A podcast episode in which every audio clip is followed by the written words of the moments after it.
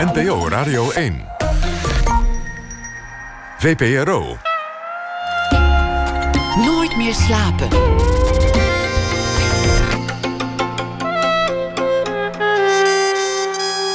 Met Pieter van der Wielen. Goedenacht en welkom bij Nooit meer slapen. Mijn gast komend uur noemt zichzelf een echte millennial. Zijn fascinatie voor de beeldcultuur begon met Big Brother, dat hij als kind keek met zijn vader op de bank. En porno, want als jongeman keek hij veelvuldig naar porno, ruimschoots beschikbaar. En ook dat wekte een fascinatie voor zowel pornografie als beeldcultuur, die zijn hele loopbaan terug zou komen.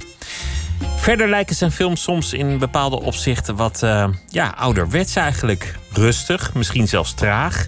Mooie, wijde shots. Meer als een artistieke film uit de jaren 60 dan dat hele hypermoderne, onrustige gedoe van tegenwoordig. Vincent Boykars heb ik het over. Mijn gast komend uur, man van tegenstellingen. Wil de kijker niet manipuleren, dus loopt de camera gewoon door als de scène al lang klaar is. En dan zien we de regisseur juist proberen om alles naar zijn hand te zetten. De levens van zijn vrienden in kluis. Liefst zou hij de levens van zijn vrienden integraal overnemen. Dat is een thema in een van zijn eerdere films. De nieuwe film dan. Drama Girl. Hij laat een twintiger een aantal pijnlijke scènes uit haar leven op camera naspelen. Pierre Bokma en Elsie de Brouw die vervullen de rol van ouders. Is het nou een speelfilm, een documentaire? Is het therapie? De film die gaat eh, morgen in première op het filmfestival in Rotterdam en is ook geselecteerd voor de Tiger competitie. En Vincent Boykars werd geboren in 1990. Welkom, leuk dat je bent gekomen. Dankjewel voor deze mooie introductie. Hoe oud was je toen, toen Big Brother op tv was? Tien. Tien jaar, denk ik. Ja, dat was rond 2000. Oh ja, 99 was de eerste. Jij bent van 1990. Ja, 9 à 10 dus. 9 ja, à 10 jaar ja, oud. Ja. En dan keek je dat samen met je vader. Dat vind, dat vind ik ook interessant. Ja, dat was eigenlijk mijn vaders guilty pleasure. Want in die tijd was dat een beetje een guilty pleasure. Want in sommige kringen was het helemaal niet chic om daar naar te kijken. Nee, mijn moeder vond het ook verschrikkelijk. Maar mijn vader vond het stiekem gewoon heel erg interessant om naar te kijken. En ik keek heel graag mee. Gewoon kijken naar mensen in een huis. Wat wil je nog meer? En er gebeurde helemaal niets. Het was geruchtstellende televisie. Ja, ja, dat was, dat was er echt zo. Dat was er echt bijzonder aan. Dus dat je gefascineerd en boeiend zit te kijken naar mensen die geen reet aan het uitvoeren zijn. Ik vond het troostend. Ik werkte aan mijn doctoraalscriptie. En dan, dan was je de hele dag nauwelijks de deur uit geweest. En dan zag je s'avonds mensen die nog minder uit hun dag hadden gehaald dan jij. en dat vond ik een enorme troost. dat kan me wel voorstellen, ja. ja. Hoe zijn die herinneringen nu? Want, want jouw vader is, is jong gestorven. Mhm. En jij was ook nog heel jong toen, toen hij ging. Mhm. Als je daar nu aan terugdenkt, hoe, hoe voelt dat? Ehm, nou, nou, gek genoeg, die Big Brother is dan een hele warme herinnering. En uh, ik vind het ook een hele grappige herinnering. Dat uh, mijn vader was, uh, was huisarts en ja, over het algemeen gewoon heel cultureel geëngageerd, geïnteresseerd, links in die zin. En dan zoiets als Big Brother, dan ja, toch daar wel helemaal voor openstaan. En inderdaad een beetje scheid hebben aan het feit dat het misschien heel ordinair is of zo. En dat vond ik wel een hele mooie herinnering. Maar ja, het is inmiddels, het is nu vijf jaar geleden dat hij is overleden. Dus ik sta er alweer heel anders in of zo. Ja, ik weet niet zo goed. Wat, wat zegt dat eigenlijk als het vijf jaar geleden is? Er is niet echt een spoorboek voor, voor rouw. Officieel volgens mij is vijf jaar wel het moment dat je het ongeveer zo verwerkt zou moeten hebben zeg maar, in, gemiddeld gezien, zeg maar. Er gaat bijna dwang van uit. Nu moet je het wel verwerkt hebben. ja, oh ja, shit, ik, ik heb het, toch niet verwerkt. Ik, ik, uh, krijg, ik, krijg ik nu een boete. Zelfs daar ligt sociale druk op. Ja, en nu nee. moet je eroverheen ja, zijn. Ja. Is, nee. is dat zo? Heb je, heb je het verwerkt of, of hoe voelt dat? Doet het nog pijn? Komen er nog wel eens tranen als je aan hem denkt? Ja, maar de pijn is nu iets moois geworden. Ik heb juist heel lang uh, moeite gehad om me open te stellen voor dat verdriet. Echt, of echt de gevoelens die ik daarbij had.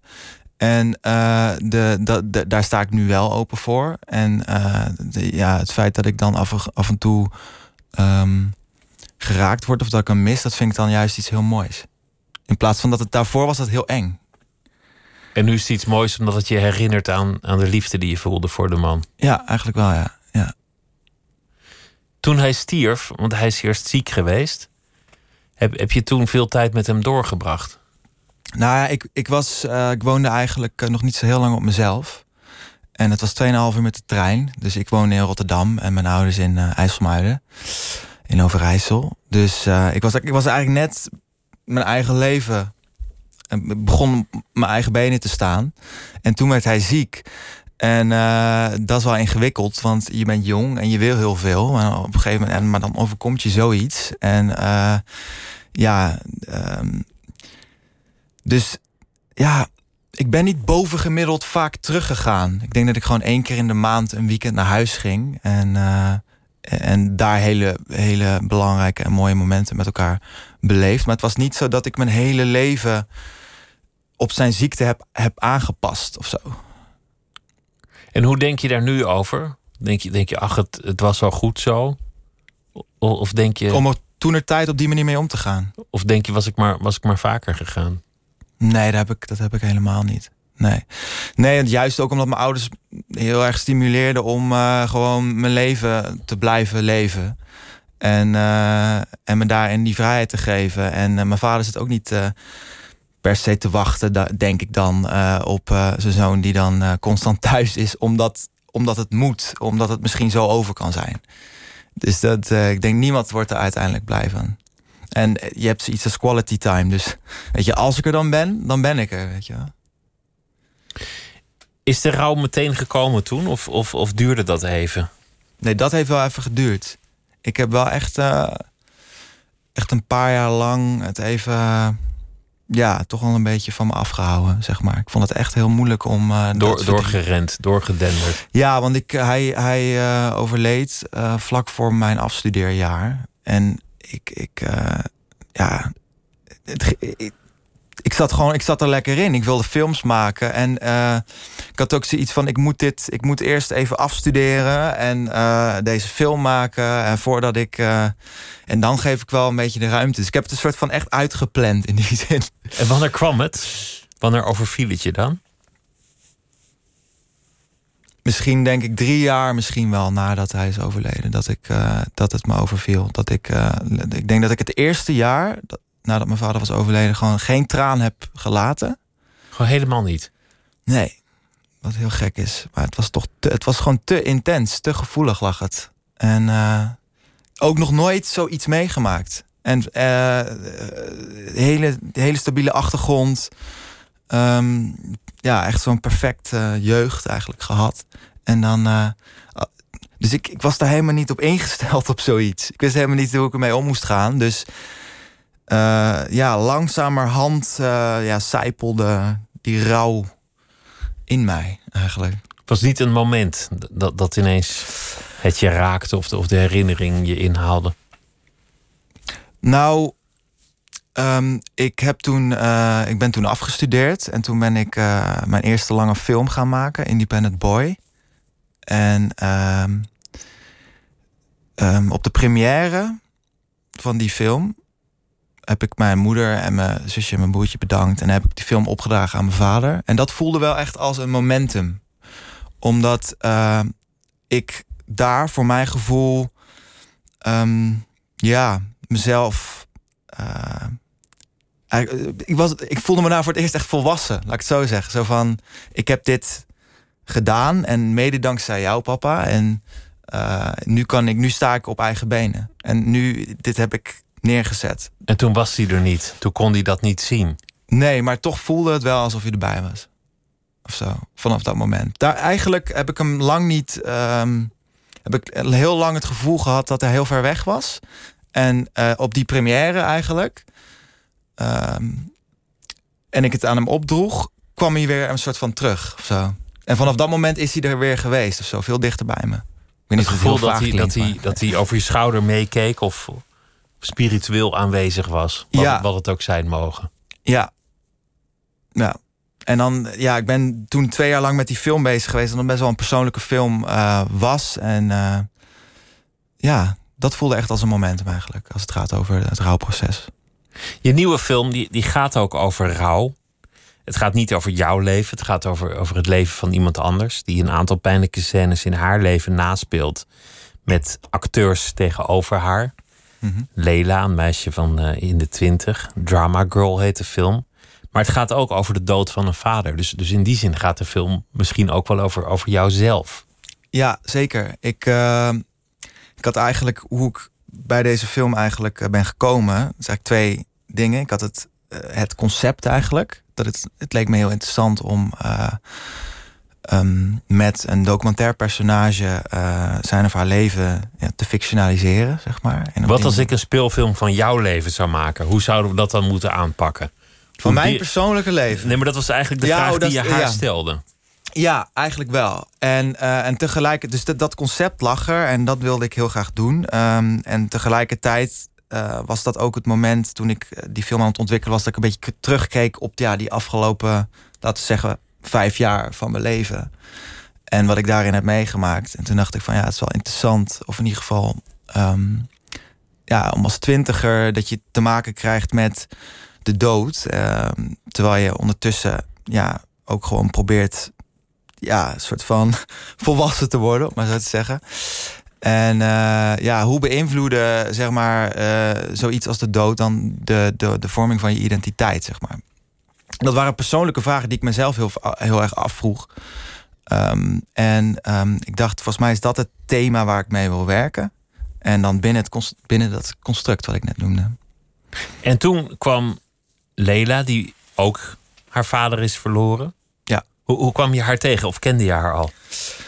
Nou ja, ik heb eigenlijk uh, had ik een. Uh, ik wilde heel graag een film maken met een jonge vrouw. Omdat ik daarvoor uh, een film had gemaakt met Metin, een van mijn beste vrienden. En ik dacht van ja, dit, dit, dit gaat over, het gaat over emotie, het gaat over rouw, het gaat over. Ik denk van misschien kan ik ook nog wel, misschien wel meer leren van een vrouw dan een man in die zin. Want omdat vrouwen misschien toch over het algemeen net anders omgaan met emotie. Um, en um, ja, ik had eigenlijk gewoon een karakterbeschrijving um, geschreven. Van ja, ik ben eigenlijk op zoek naar ja, een jonge vrouw die ongeveer deze dingen heeft meegemaakt, vergelijkbaar met mijn eigen verhaal. En aan de hand van uh, ja, die karakterbeschrijving ben ik eigenlijk door mijn producent al gelinkt aan Lela. Toen gingen we koffie drinken en toen klikte het eigenlijk direct. En zo begon het. Ja. In, in die film Independent Boy die je noemt, de, de, de film, de eerste lange film die je, die je hebt gemaakt. Daar gaat het over een vriend van jou. En het, ja, het is echt een sympathieke jongen. Daar kan, daar kan je niet zoveel tegen inbrengen. het is gewoon, en, gewoon een jongen die meteen wel je sympathie kan wegdraaien. Ook al is het ook een beetje. Het moet gezegd, en daar gaat de film ook over. Op dat moment in zijn leven, ik weet niet hoe het met hem nu gaat. Ja, een, een beetje een kluns. het komt allemaal niet echt van de grond. Nee. De Amerikanen en... zouden zo leuk zeggen, slekker. Ja, ja, nee, klopt. In die tijd uh, voerde hij inderdaad weinig uit, terwijl hij wel heel veel potentie had. Um, en, uh, en als personage, ik denk dat zijn, op dat moment zijn zelfbeeld best wel laag was. En dat hij zichzelf dus ook best wel naar beneden haalde. En dat maakte ook wel een soort van echt een open kaart. Zo van, uh, ja, en ik heb, het allemaal, ik heb het allemaal niet voor elkaar. En ik doe het allemaal niet goed. En um, in Als die zijn zin, plannen kwamen niet van de grond en, Nee. en er kwam weinig uit zijn handen. Ja, en uh, toen heb ik, uh, toen dacht ik, nou, dat is wel interessant om misschien uh, een film te maken over ja, dat, ik, dat ik voor een tijdje even de regie, de touwtjes in handen neem van zijn leven. Het leuke is als je die film nu terugkijkt, dat, dat je ook wel heel duidelijk ziet dat jij in een fase zat. Zeker. Dat jouw ambitie eigenlijk ook niet te harde was. Nee, is verschrikkelijk, joh. Dat, dat, wat was het een product? Overambitie. Overambitieus, overdaadkrachtig, over Ja. gefocust. Ja, maar dat was dus precies die periode waarin ik dus ook dat die rouw uit de weg ging. En dat ik gewoon, al- dat was een soort escapisme ook voor mij. Op dat moment, werk en film. Dus nog steeds wel een beetje, maar Eigenlijk had die aardige vriend van jou jouw leven over moeten nemen. Eigenlijk had hij op dat moment moeten zeggen: laat al die ambitie even liggen. Ga jij nu eens op de bank zitten een volle week naar slechte Ja. televisie kijken en kijk eens of, of er dan tranen uit je ogen kunnen komen. was een interessante film geweest. Eh, maar niemand heeft maar goed, er kwam niks uit zijn handen. Dus, dus Nee, jij maakte nee. de films. Ja, ja, maar inderdaad, als ik op terugkijk, dan zie ik wel een ander persoon dan wie ik nu ben. Eh, en eh, ehm, ja, dus het dus ik, en ik projecteerde heel erg mijn de drang naar ambitie en dingen bereiken heel erg op hem. En eh, dat is iets wat ik nu veel minder doe. Niet, niet alleen naar hem, maar gewoon überhaupt in het leven. Gewoon hoe ik andere mensen beoordeel. Ik beoordeel ze niet meer. Maar de neiging om in te grijpen in de werkelijkheid is er nog steeds wel. Ook, Ja. ook in je nieuwe film. Om- Zeker, dat die is misschien het- controle wel, ja. ja. Misschien ook wel wat een regisseur een regisseur maakt. Dat je wil dat alles zich naar jouw werkelijkheid schikt. Zeker, ja. En binnen cinema en speelfilm of fictie eigenlijk dan eh, is het eh, dan. Ik denk dat het dat gaat helemaal over controle. Want letterlijk elk element in een film kan je sturen, controleren. En dat is een keuze. Dus je kan je hele wereld, die hele wereld kan je vormgeven van begin tot eind. En eh, dus je moet wel een soort van gekke controledrang hebben, überhaupt, denk ik, om, om eh, films te, te kunnen maken. Alleen in documentaire is het een wat giftigere term, eigenlijk, controle. In documentaire doen ze alsof het allemaal echt gebeurd is, terwijl op duizenden manieren de maker ingrijpt in de werkelijkheid zoals die beleefd wordt door de kijker. Exact. Ik zeg niks nieuws. Nee, Dit, zeker dit kan niet. iedereen zich bedenken. Die pianomuziek die is niet echt aanwezig in het oorlogsgebied. Die wordt Nee. ingestart. Ja, ja, maar toch is het beeld nog steeds, heb ik het idee dat het beeld, eh, wat betreft documentaire, dat mensen nog steeds het idee hebben, dus dat wanneer ze naar een documentaire zitten te kijken, dat dat gaat over het personage wat ze zien. Terwijl het gaat natuurlijk over de filmmaker die, daar die achter die camera zit en alle keuzes maakt en dat hele verhaal construeert. Ehm, ja, dus ik heb het idee nog steeds dat, eh, dat daar eh, op een verkeerde manier naar gekeken wordt. Big Brother is ook een mooi voorbeeld waar we mee begonnen. Ja, Big Brother beloofde de rauwe werkelijkheid van een aantal mensen, gewone mensen, opgesloten in een bungalow, gevolgd door camera's. Mhm. Later heb ik mensen gesproken die daar aan gewerkt hebben als regisseur. En die moesten met hun montage verhaallijnen maken. Ja En vaak misten ze dingen omdat ze ze niet kwijt konden, omdat het niet paste in het verhaal dat ze aan het maken waren. Op een zeker ogenblik gingen ze ook naar gevormde karakters toe monteren. En hoe hebben ze dat, die dingen die ze misten dan kunnen opvullen? Die hebben ze laten liggen. Dus er zijn hele dingen gebeurd in die, in die bungalow. Ik heb het over het eerste seizoen. Die ze gewoon niet kwijt konden, om- omdat ze dat niet hadden opgebouwd. Van ja, dit, dit is helemaal niet een verhaallijn. Je moet net als een soap dat maken met, met een begin en een eind. En, en oh, hoe zal dit morgen verder gaan? Ja, ja nee, dat is Op zo. die manier, wij keken helemaal niet naar de rauwe werkelijkheid. Wij keken naar een construct. We keken naar een Uiteraard. construct, maar wat Big Brother en dan één wel uniek maakt, denk ik, is dat die mensen zich nog niet heel erg bewust waren van het feit waar ze dan precies in zaten. Ik bedoel, nu, als je nu naar reality kijkt, het is gewoon een vak geworden. En ze weten al hoeveel roem ze kunnen krijgen en, en wat de Ja. gevolgen zullen zijn. Precies, eh, dus eh, mensen gaan daar heel erg met voorbedachte raden stappen ze in zo'n show. En, en toen het, maar toen de tijd, die mensen hadden echt geen idee. En niemand wist ook dat het zo groot zou worden en dat, het, eh, zo, dat ze zo bekend zouden worden. Dus ja, het is wel, het is toch in zekere zin wel puurheid zat er wel in of zo. Die eerste Ja. keer zat een soort naïviteit in over wat de gevolgen zouden zijn in de echte wereld buiten de Ja. bungalow. Dat Ja, is de geschiedenis erachter. Ja, en dus ook dat je als kijker eh, met collectief naar die mensen aan het kijken waren. En het veel groter werd dan dat zij door hadden dan dat het al was eigenlijk. Op een zeker ogenblik hebben ze toen een nieuw iemand in dat huis gelaten. Dat was achteraf jammer, want die vertelde: Jongens, jullie zijn beroemd. Weten jullie dat wel? Oh, dat weet ik niet eens meer. Dat, joh. dat was de eerste ingreep in die, in die Jammer. kleine werkelijkheid. Achteraf een teleurstellende keuze. Ja, Er is, er is nog een moment met jouw vader in jouw jeugd. Dat heb je eerder verteld, want je was hier en toen was er een project over porno. mhm. De VPRO ging ook een pornofilm maken. Hier kan je allemaal grappen maken, maar dat gaan we niet doen. En toen vertelde je dat je, dat je porno aan het kijken was als tiener en dat je vader je had betrapt. klopt ja. En, toen- en, toen, gezegd? en toen zei jouw vader iets heel interessants. Eh, ja, hij zei... ehm, weet je wel, doe wat je moet doen, maar wat je daar ziet, dat is niet echt. Dat is niet echt. Dat is heel interessant, die mededeling. Ja, Het is heel echt. dubbelzinnig. Heel dubbelzinnig, want aan de ene kant, ja, het is, het is wel echt. En je ziet die, die in die mensen- kut gaan. Ja, ja, dankjewel voor deze omschrijving. Ze liggen op elkaar, ze doen van alles. Ja, zeg maar, het fysieke aspect is echt. Maar er is van alles natuurlijk ook niet echt. Daar had je vader volledig gelijk in. Ja, nou ja, het, het is geen liefde, nee. Het is geen liefde, het is misschien niet eens lust. Het is waarschijnlijk niet eens lekker. Nee, het is super plastisch. Maar de, de handeling is echt. En dat is ook eh, genoeg om. Voor, in, binnen porno is de handeling vaak genoeg. Waarom is porno zo vormend voor jou geweest?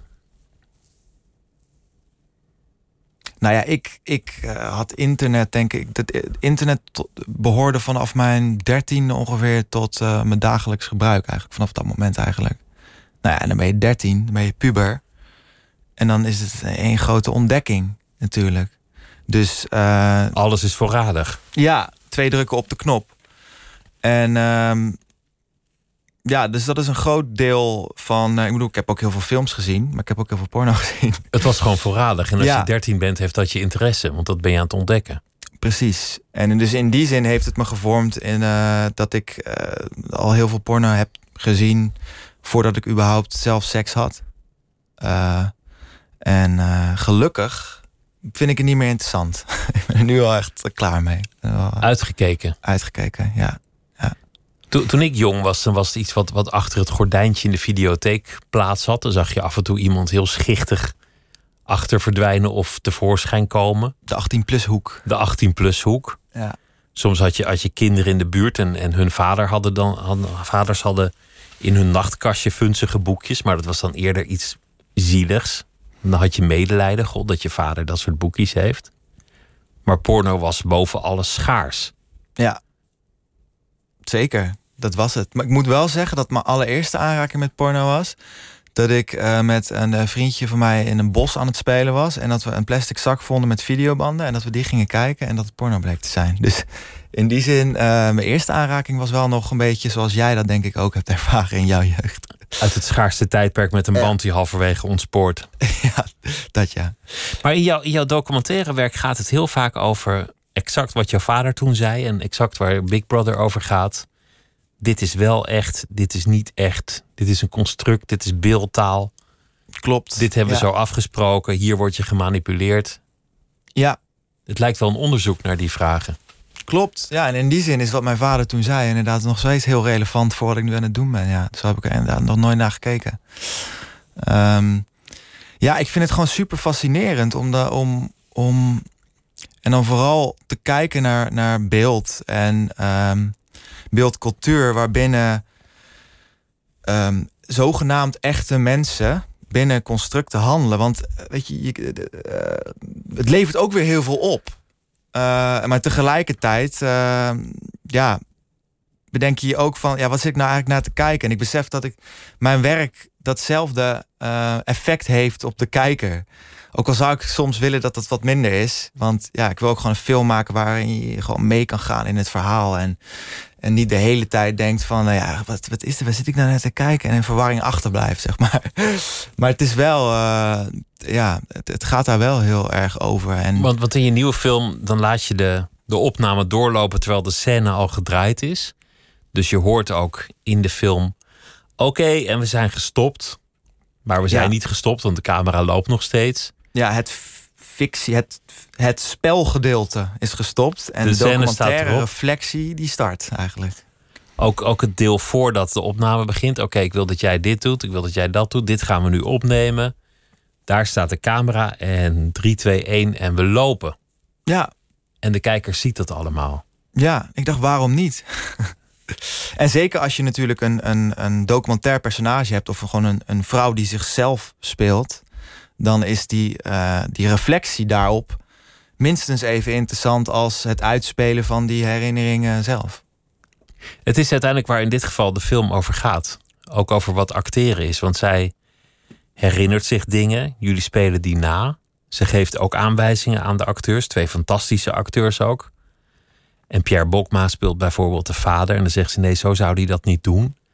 Maar tegelijk haalt ze zichzelf overhoop. Ze zit in haar eigen psyche te rommelen.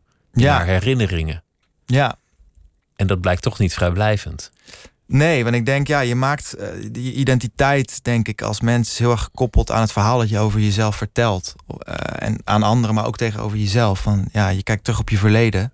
En uh, je bedenkt, ja, dit zijn de belangrijke momenten geweest in mijn verleden. Um, en dit zijn minder belangrijke momenten in mijn verleden. En dit zijn deze momenten zijn te gevoelig.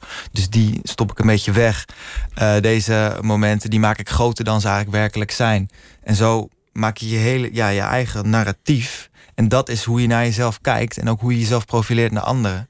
En voor Lela was deze film eigenlijk, brak dat, dat gegeven, soort van dat narratief wat ze over zichzelf had vormgegeven, brak dat weer helemaal open. Dat is eigenlijk interessant, zoals je het nu zegt. Dan ben je eigenlijk de documentairemaker of de, de regisseur van Big Brother, die, die dat eigen leven tot een verhaal maakt. En wat niet past in het verhaal, dat wist je. Of dat parkeer je ergens. Dat vergeet je. Ja. En andere dingen die, die maak je misschien groter of mooier of, of erger. Ja, iedereen is als het ware de regisseur van, van zijn of haar levensverhaal. Tenminste, zo, zo zie ik het. En ik weet niet, misschien omdat ik filmmaker ben, dat ik op die manier naar kijk. Maar volgens mij is het echt wel universeel. Dus dat verhalen in die zin zeer gekoppeld zijn aan onze identiteit. En we worden ook platgegooid met verhalen.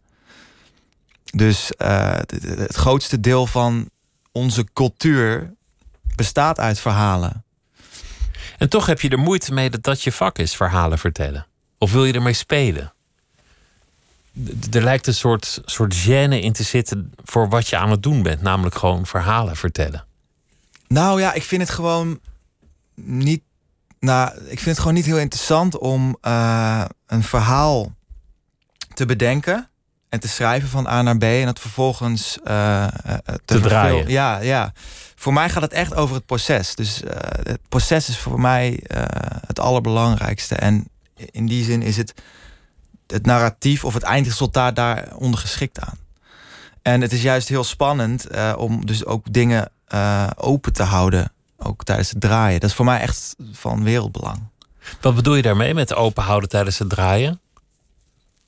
Um, nou ja, dat is dat dat, uh, dat, dat het narratief van tevoren niet is bepaald. Maar dat, dat je een scène kan draaien en vervolgens um, kan observeren of analyseren hoe, hoe mijn personage daarmee is omgegaan.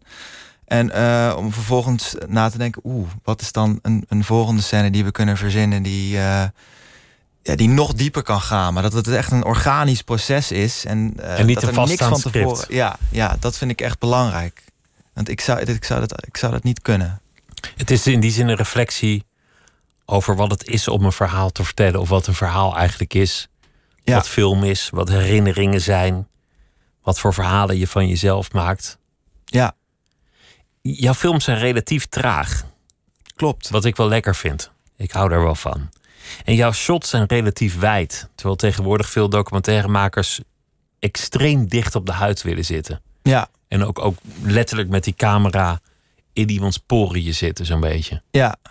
ja, nee, dat klopt. Ik, uh, ja, waarom ik dat doe? Ten eerste gewoon omdat ik het esthetisch gezien gewoon heel mooi vind. Om, gewoon een mooi beeld. Gewoon mooie beelden, bijna schilderijen te maken. En dat je daarin dus, uh, ja, die hele wereld kan vormgeven. Um, maar er zit wel meer achter. Zeg maar. De, dus de, het, het feit dat de shots heel lang zijn, is voor mij belangrijk omdat ik, ik, hou, ik hou gewoon van slow cinema, slow television. Ik bedoel, dat is ook waarom ik Big Brother waarschijnlijk gewoon heel leuk vind toen ik negen was en dat met mijn vader keek. en ik denk dat we echt in een opgefokte beeldcultuur leven. Waarin het is allemaal, je wordt helemaal plat gegooid. En eh, het is echt een, het flitst allemaal aan je voorbij. En uh, het wordt je ook allemaal op een presenteerblaadje gepresenteerd, als ik het zo goed zeg. Um, maar ja, we zijn en dat maakt het we kijken niet echt meer, zeg maar.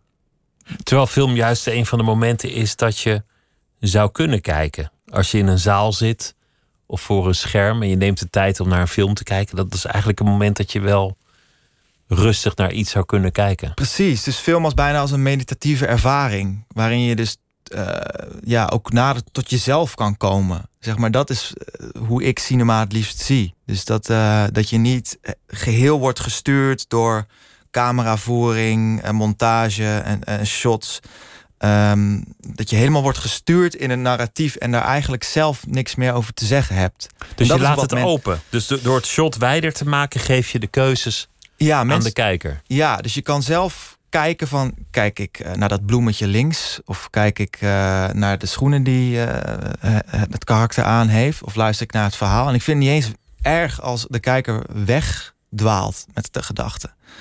Dat is juist, ik, ik vind het juist goed, want dat betekent dat, dat de, de, de soort van de, in de binnenwereld er een reflectie gaande is. En dat is alleen maar goed. Het is niet dichtgetimmerd. Ja. Muziek is ook heel belangrijk. En uh, in dit geval heb je samen met uh, een componist gewerkt. Bo Zwart is dat. Ja. En, en die heeft samen met jou muziek gemaakt die ja, ook, ook een beetje retro is. Passend bij jouw generatie, denk ik ook wel. Analoge synthesizers, jaren tachtig invloeden. Ik, ik wil een stuk laten horen van die muziek. En, en lijkt mij leuk als je van tevoren iets erover vertelt. Over het stuk Drama is Live. Um, ja, specifiek over die track. Um, nou, ik ben in ieder geval met Bo Zwart, dat is een van mijn beste vrienden, uh, al twee jaar lang bezig geweest eigenlijk met, met nummers maken. En uh, uh, eigenlijk was het ons doel om met, door middel, met synthesizers te werken. En tegelijkertijd dat gevoel wat je hebt als je naar oude cinema, muziek, jaren 60, 70, Bernard Herrmann, uh, die tijden, luister, er zit zoveel gevoel in. En we hebben geprobeerd om met die synthesizers datzelfde gevoel tot uiting te brengen. En um, je hoort ook denk ik wel terug de invloeden van echte cinema, de strijkers, et cetera. Het zit heel in, in de details. Tegelijkertijd ook heel erg uh, eigen tijdse genres zoals hip-hop, um, house. Het, het, is echt een mengelmoes van, van, van oud en nieuw in die zin. We gaan luisteren.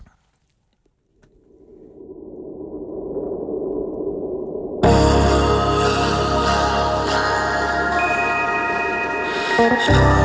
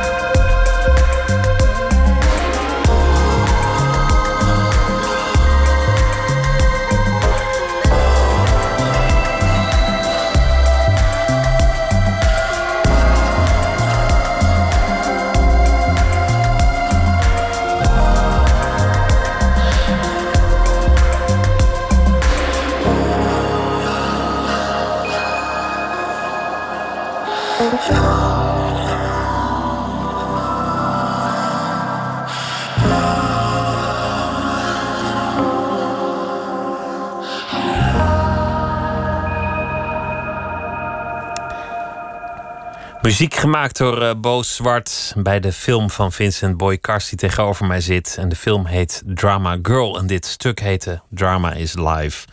Analoge jaren zeventig uh, synthesizers en, uh, en andere dingen. We, we begonnen meteen met Big Brother, wat je keek als negenjarige op de bank bij je vader.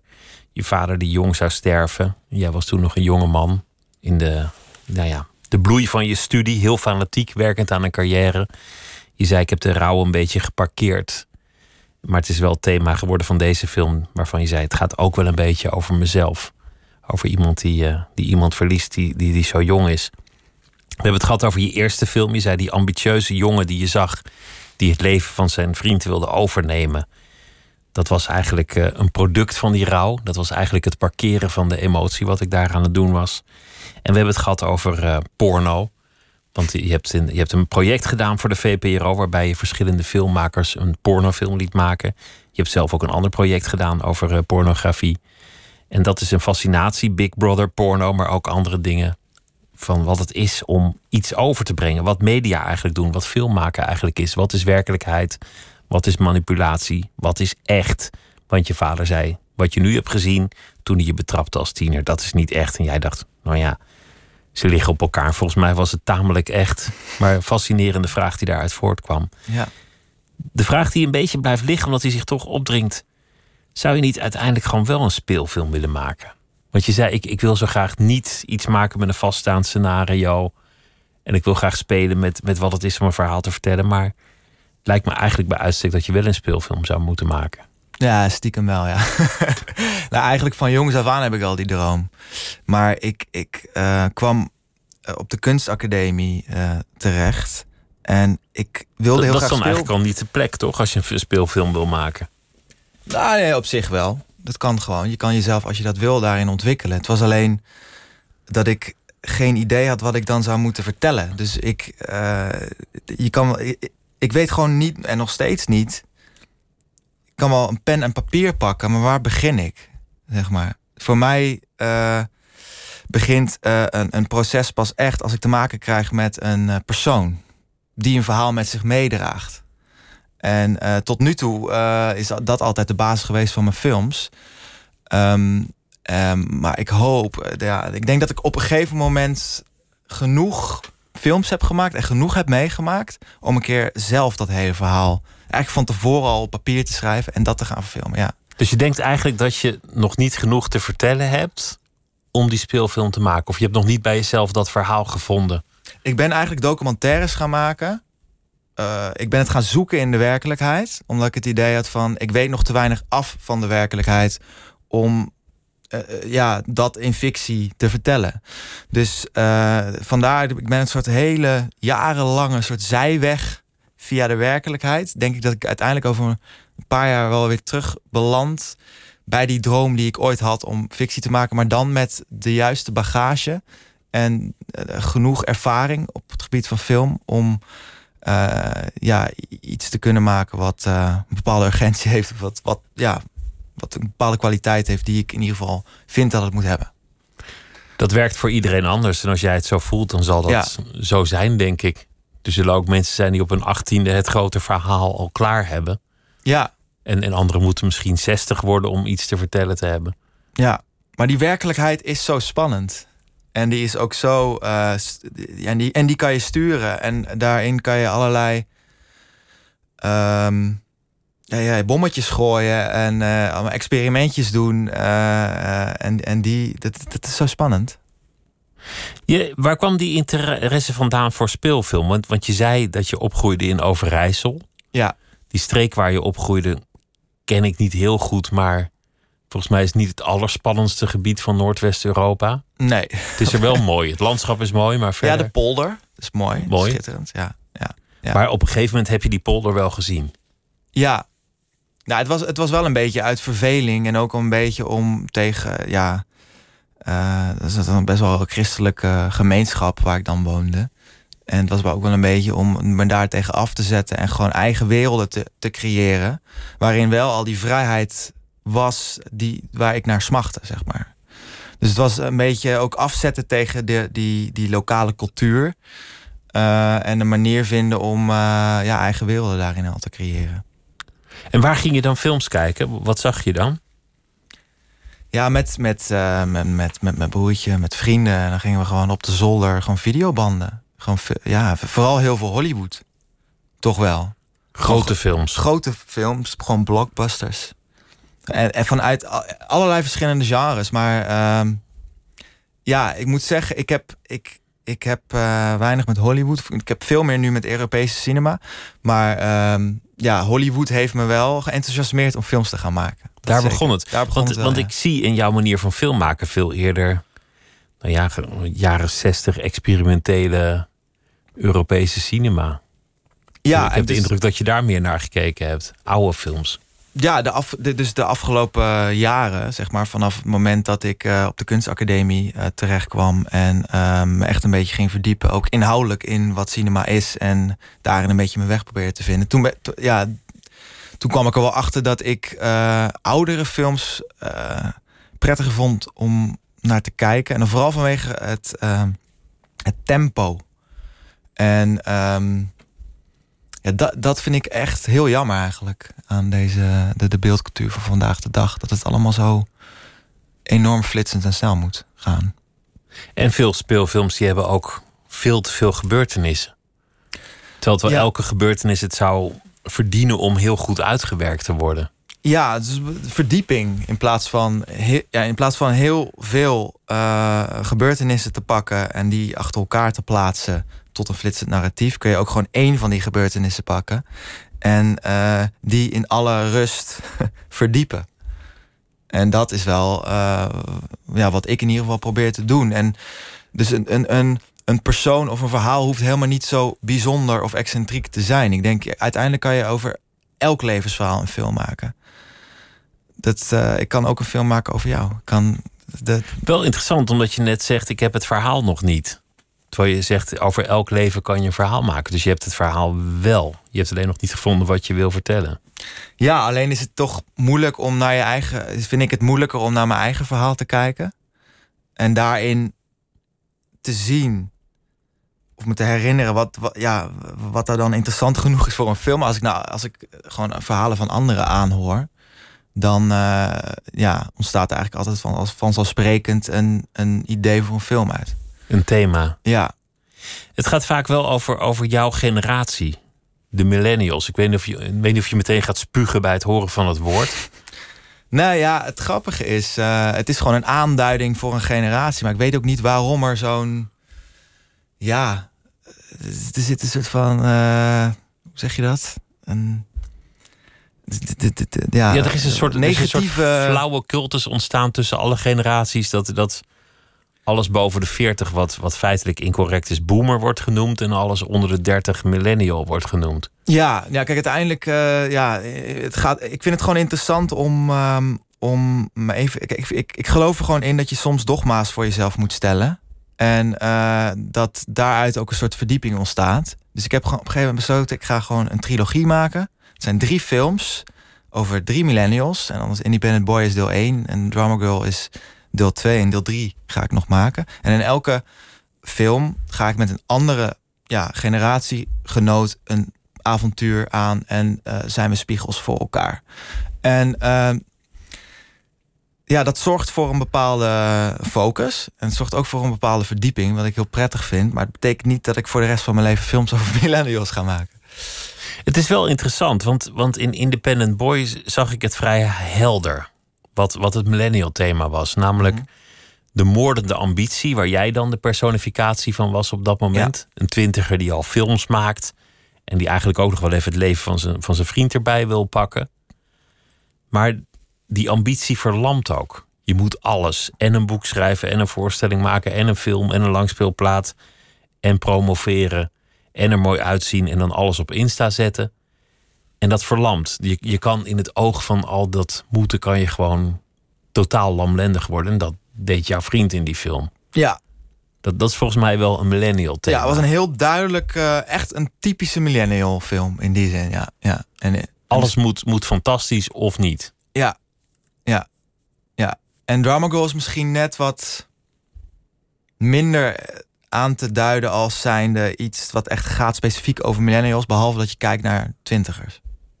Ja, misschien als je er iets millennial uit zou moeten halen, met het risico dat ik werkelijk bestaande mensen die ik niet ken schoffeer. Maar hoe is het om op te groeien met volslagen egoïsten als ouders? Ja. Maar goed, dat is van alle tijden, toch? Of niet? Weet ik niet.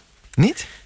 Ik denk dat, dat de, de vroege generaties misschien wat minder hedonistisch waren en, en daardoor hun kinderen aan de ene kant aan hun lot overlieten. Dus ze hoefden niet trots te zijn op die kinderen zozeer. Die kinderen hoefden niet uit te blinken. Die waren al goed als ze geboren waren, of niet goed, hoe je het ziet.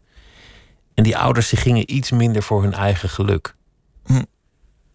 Ja. Ik denk dat het wel voor millennials typisch is dat hun ouders gingen scheiden of, of egoïstisch waren of kinderen lieten vallen of zeiden en nu ga ik vier maanden op yoga retretten, bekijk het maar. Ja. Ja, nee, dat, dat kan ik wel. Ik, persoonlijk heb ik dat niet zo ervaren in mijn, vanuit mijn achtergrond. Niet maar, alle ouders waren Nee, zo. nee maar ik, ik denk dat je daar zeker een punt hebt, ja. ja. En dat is misschien wel een, een aspect in Drama Girl... dat dan gaat over uh, mijn generatie specifiek of de millennial. Maar ik, ik merk dat ik steeds meer behoefte heb... gewoon aan universele verhalen. En ik heb ook juist omdat... ik ben ja, dat, dat een beetje dat generatieconflict, of althans, de, de, de verschillen worden altijd benadrukt tussen generaties. Terwijl heel veel dingen universeel zijn. Exact. En uh, ik vind het eigenlijk nu juist interessanter worden om, uh, om uh, voor generaties boven mij en straks voor onder mij te laten zien dat we uiteindelijk gewoon allemaal mens zijn. En ja, struggelen met dezelfde dingen. En dat het, dat, dat, dat, dat van alle tijden is. Dus deze film had in die zin 50 jaar geleden ook gemaakt kunnen worden. Zeker. Ja, het zou een andere film natuurlijk zijn geworden. Maar uh, ja, ja, had zeker gekund. En Independent Boy niet. Die had je 50 jaar geleden nog niet kunnen maken. Nee, nee, denk het niet, nee. Over, over de porno, toch nog maar even. Want jij zei, ik ben, ik ben klaar met die porno. Ik heb het gehad met die porno. Ja. En nu begin jij er weer over. En ik begin er weer over. omdat het, het project dat je maakte voor de VPRO was interessant. Laat, laat nou eens filmmakers zich over dat genre buigen. Mm -hmm. En kijken wat, wat hen gebeurt, wat zij ermee zouden, zouden kunnen. Mijn indruk was dat ze er uiteindelijk niet echt uitkwamen. Dat, dat ze toch gewoon neerkwamen. Dat toch gewoon neerkwam op porno. Ja, je kan, je, je, kan je kan proberen om er iets heel moois van te maken. Maar dan, uh, dan uh, kijk, uiteindelijk, uh, ja, het bestaansrecht van porno, ja, de hele reden van het bestaan van porno is gewoon toch het opgeilen van mensen. En ja, dat is ook de functie. Dus je kan er heel veel mooiigheid omheen verzinnen. Maar dan, ja, dan verliest het zijn functie. Namelijk gewoon kijken naar parende soortgenoten. Ja, en daarvan opgewonden raken. Dus als je er iets heel moois van gaat maken, dan wordt het misschien interessant om naar te kijken, maar op een heel andere manier dan uh, ja, wat, wat de functie van zeg maar, traditionele porno eigenlijk is. Je hebt ook een film gemaakt waarin je uh, zelf met, met personages ging kijken hoe het zou zijn om bij een sekslijn te werken. En van daaruit verder te gaan. Dat is een van je korte films. Klopt. Van, nog op de kunstacademie gemaakt. Ja, dat heb ik ook gedaan. Echt heel veel seks in mijn oeuvre. Dus ik moet nee, maar, een keertje vanaf. Wel, wel boeiend dat je er ja. niet voor koos om iemand te volgen die het werk al, nou, al deed. Nou, het grappige is daar, uh, eigenlijk vanaf dat moment, of eigenlijk tijdens het maken van die films, zat ik in het derde jaar van de kunstacademie. En um, ik wilde heel graag een film maken over sekslijnen, omdat ik dus zelf uh, ja, heel erg met dat porno bezig was. En ik dacht van, wow, eigenlijk is zijn sekslijn veel interessanter, want uh, je hebt direct contact met een ander persoon. En uh, dat is veel intiemer. En de, ja, het beeld, dat fantaseer je er zelf bij. Terwijl porno is gewoon plat en het is allemaal, ja, ligt het voor je, weet je wel. Dus het triggert niet je eigen fantasie. Terwijl als je iemand aan de telefoon hebt, dan, dan heb je niet meteen het beeld van degene die er werkelijk zit. Ik bedoel, nee. je, je ziet hem niet een bijverdienende moeder van, van 46 voor je, maar misschien iets heel anders. Ja, dat is ook aan, aan jezelf. Dus het, het, het, het triggert heel erg je verbeelding. En um, dat is dus ook iets waar, waarvan ik moeite heb in deze hedendaagse beeldcultuur. Maar goed, daar, daar uh, um, dacht ik, daar wil ik wat mee doen. Maar ik heb geen zin om van die huisvrouwen uh, te filmen die met een headset, uh, terwijl ze aan het strijken zijn of het huishouden aan het doen zijn, eh, dat werk verrichten. Dat is een beetje het beeld wat ik had van mensen die voor een sekslijn werken. En ten eerste, hoe vind ik die mensen? En ten tweede, ja, wat heb ik daar nou over te zeggen? Ik voel daar helemaal niks bij. En toen kwam ik op het idee, nou, dan vraag ik gewoon een vriendin of twee vriendinnen in dit geval om dat uh, eens te gaan uitvogelen. En dan ga ik dat proces in beeld brengen. En hier en daar een beetje sturen, zodat er een mooie film uit kan komen. En um, eigenlijk vanaf dat moment, um, ja, dat is eigenlijk nog steeds hoe ik werk vandaag de dag. Daar is dat ontstaan. En, en hoe is dat dan? Hoe, hoe definieer je dat? Jij kiest iemand uit en samen gaan we een proces in. Ja, dus uh, dat zijn, uh, ja, eigenlijk wel. Dus ik kies iemand uit en um, we maken bepaalde afspraken. En vervolgens gaan we samen een proces in. En, en nu fictie, of in ieder geval, nee, sorry, uh, cinema, ook een soort van een onderdeel is geworden. Zou ik mijn werk omschrijven als um, ja, films waarbinnen een documentair personage in een gefictionaliseerde wereld wordt geplaatst. En dat we ja, kijken wat er gebeurt en de kijker ook meenemen in dat proces. Want dat is wat documentaires doen. Alle documentaires die je ziet, ook al is het een, een portret van een popster of een documentaire aangrijpend over vluchtelingen in een oorlogsgebied. Iemand wordt een personage, iemand wordt neergezet, iemand krijgt instructies. Ja, en het kan je dit even overdoen dat we het op camera hebben, et cetera? Ja, ja, in principe is het dus inderdaad wel wat ik doe, een uitvergroting van wat eigenlijk ook gewoon de norm is. Wat er interessant is aan de opstand der personages die hij organiseert, is dat het gaat over het leven van jouw persoon. En dat haar leven ook echt overhoop wordt gehaald door het na te spelen. Het is bijna een soort therapie, een soort familieopstelling die ze doet, maar dan met acteurs. Ja, dat heb je goed gezien. In de, de, de, familieopstelling was ook wel uh, ook zeker een, een uh, daar was ik zeker een hoofdstuk van in mijn filmplan. In de zin van, ik heb ook zelf uh, het gedaan voor de research. Heb meegedaan aan een soort ja, therapie-sessie. Een soort dramatherapie, familieopstelling. En, maar het is wel veel psychologischer en therapeutischer uiteindelijk geworden dan ik zelf altijd voor ogen heb gehad. En ook als ik nu mezelf terugzie in deze film, dan zie ik toch een soort van verkapte semi-psycholoog. Die, die uh, ja, de, het personage wil doordringen tot dat personage. Dus ik zie, ik zie weer een hele andere kant van mezelf terug eigenlijk. Het mooie is dat iedereen uiteindelijk schrikt van de gevolgen van dit project. Je personage, jijzelf, de acteurs. Iedereen lijkt ook op een zeker moment te denken: shit, waar zijn we aan begonnen? Ja, ja kijk, ik denk dat als je een beetje stabiel in het leven wil staan, dat uh, het goed is om jezelf, hè, als je dan dat, dat narratief van je leven, dus je eigen identiteit aan het bepalen bent, dat het goed is om jezelf ook maar gewoon een beetje voor de gek te houden. Vasthouden aan dat narratief. Vasthouden aan het narratief. En inderdaad dan op soms ja, bepaalde dingen die vind je wat minder belangrijk. En laat die dan ook gewoon geen onderdeel zijn van je narratief. Want van je identiteit. Omdat je, ja, ik denk als je echt soort van met een hele open blik gaat kijken naar de werkelijkheid, dat die te complex, ingewikkeld en confronterend is om überhaupt stabiel in het leven te staan. Dus je, je moet jezelf al een beetje voor de gek houden. Het is juist af en toe wel lekker om dat narratief los te laten. Te denken van misschien is het allemaal wel helemaal niet waar. Wie je denkt dat je bent en hoe je bent. En... Ja, maar als het echt gaat over gevoelige dingen. Uh, gewoon emotionele gebeurtenissen en uh, iets als rouw of zo. Um, of in het geval van Leila in Drama Girl, uh, uh, bepaalde um, ja, moeilijke relationele dingen met haar moeder en uh, dingen die in het verleden zijn gebeurd. Ja, het heeft ook niet zin om constant maar al die dingen weer omhoog te halen. Zeg maar. Van is het wel zo gegaan? Was het wel waar? Klopt ja, het eigenlijk wel? Ja, gewoon een blik vooruit of zo. Dat, ik denk dat dat erg... trouwens wel een verschil is tussen generaties. Dat, dat social media veel veranderd hebben omdat mensen hun leven ook door een externe blik zijn gaan zien. Permanent bezig met hoe de buitenwereld dat bekijkt, hoe je het moet vertalen naar de buitenwereld. Ja. Met hoe je daar een beeld van maakt. En daardoor ga je ook een verhaal over jezelf construeren. Ja. Permanent. Je ja, bent nooit onbespied, nooit onbekeken. Klopt. En in die zin is Drama Girl ook wel. En dat gaat wel echt ook over millennials. Dat is wel een goed punt of een goed thema. Wat, wat wel, waarin Drama wel heel erg gaat over mijn generatie.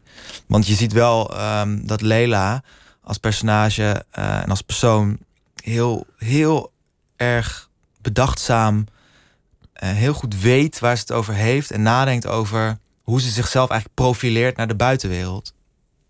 En zich dus heel erg bewust daarmee bezig is. Uh, en in die zin, um, um, dat vond ik wel heel interessant om te zien. Maar dat maakte ook haar tot een heel ingewikkeld uh, en uitdagend. Het maakt echt, ze was echt uitdagend voor mij. Om mee te werken, ja, om, om mee om te gaan. Ja, omdat ze wel heel erg um, vasthield aan, aan, uh, ja, aan, haar, aan haar verhaal. Terwijl ik wilde daar juist doorheen prikken en kijken. Oeh, misschien is het ook interessant om op die manier naar te kijken. Uh, en dat, ja, dat creëerde wel een heel mooi en interessant spanningsveld. En dat, dat zorgde er ook voor dat ik ook alles uit de kast moest halen om, ja, om haar, uh, ja, ja, om haar te laten zien, uh, of dit tot haar door te dringen eigenlijk. Ja.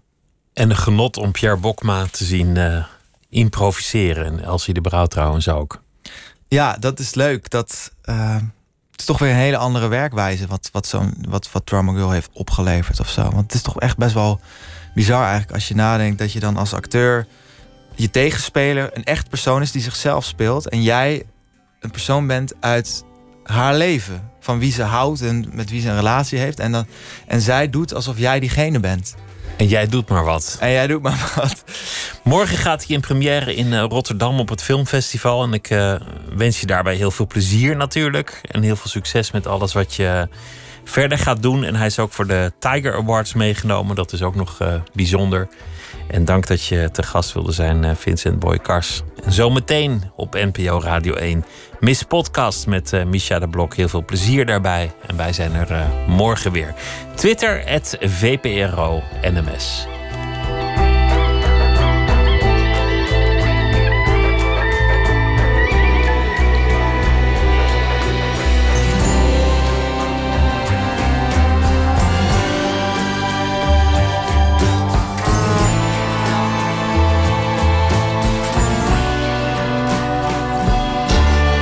Radio 1.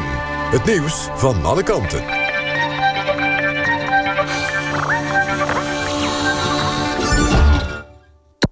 NPO